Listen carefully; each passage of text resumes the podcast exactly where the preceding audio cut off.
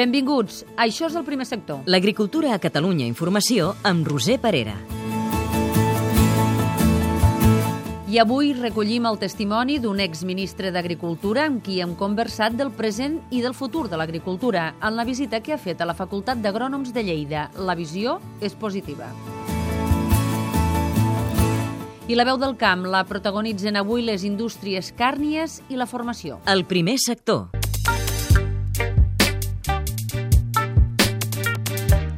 L'exministre d'Agricultura Jaime Lamo d'Espinosa ha parlat per aquest programa del present i del futur de l'agricultura espanyola. Fa una aposta clara pels nous regadius i creu que els sectors hortofrutícola i porcí continuaran encapçalant les exportacions, amb grans expectatives per nous mercats com la Xina o l'Índia. I ha conversat Rafael Ventura.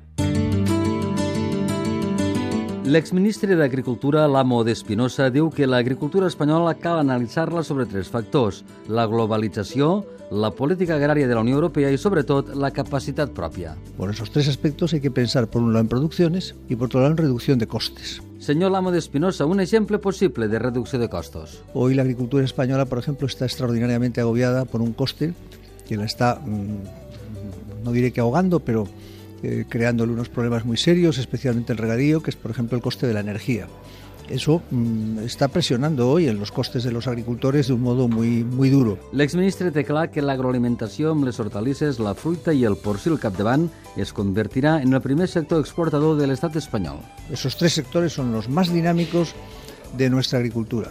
Y si unimos a eso el sector agroalimentario y toda la industria agroalimentaria, Hace unos años era el tercero, des después de los automóviles, hoy es el segundo y yo creo que muy pronto va a ser el primero por encima de bienes de equipo. Segons vostè, què s'ha de fer per continuar augmentant l'exportació? Y los mercados mundiales están abiertos.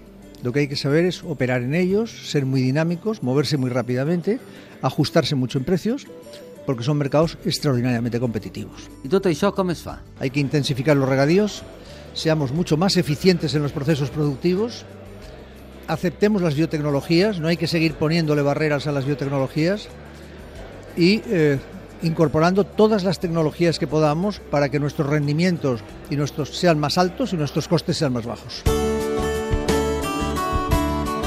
L'exministre d'Agricultura, l'amo de Espinosa, és optimista amb unes bones perspectives en mercats que començaran a consumir. Los grandes países de, en términos de población, tipo China o tipo India, básicamente China, también Rusia, están su sufriendo dos procesos. Uno, buena parte de la población rural se está transformando en urbana. Y dos, esa población urbana tiene un alto nivel de renta y desea y está cambiando sus hábitos de consumo y está intentando y queriendo comer con patrones de consumo a la occidental. I una pregunta, quins cultius aconsella als pagesos de rec?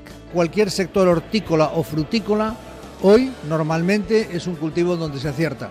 Jaime Lamo d'Espinosa va ser ministre d'Agricultura del govern de la UCD del 1978 fins al 1981.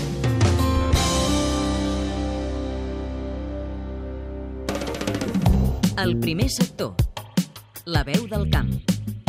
Hola, sí, el meu nom és Mònica Fortet, sóc directora de CREAS, un centre en indústries càrnies i agroalimentàries, que hem començat en guany amb una oferta formativa que abarca tot l'àmbit agroalimentari, des de la part de formació superior, amb un cicle de grau superior en processos i qualitat alimentària, fins a una part més de certificats de professionalitat, que en aquest cas és un títol que acredita les competències dels professionals. L'alumne entra treballant a l'empresa, per tant l'alumne ha d'entendre que fa formació dual, o sigui, entra a treballar i estudiant a l'empresa. Té una retribució per aquelles hores productives que fa i, i alhora li permet tenir un reconeixement acadèmic, un reconeixement acadèmic amb una titulació. Llavors això és un concepte diferent, no?, en el sentit que l'alumne ha d'entendre que va treballant a l'empresa. I el curs consisteix en qualificar les persones amb, amb l'àmbit agroalimentari, des de més anàlisi d'aliments, des de manipulació, d'operacions bàsiques o inclús a nivell més de superior, eh? vull dir, de parlar de tècnics d'alimentació d'alimentació, de, de, de qualitat, etc. El curs comença ara al setembre i acaba el mes de juny. Un curs acadèmic i és de dos anys. El primer sector. Un programa realitzat des dels centres territorials de Catalunya Informació.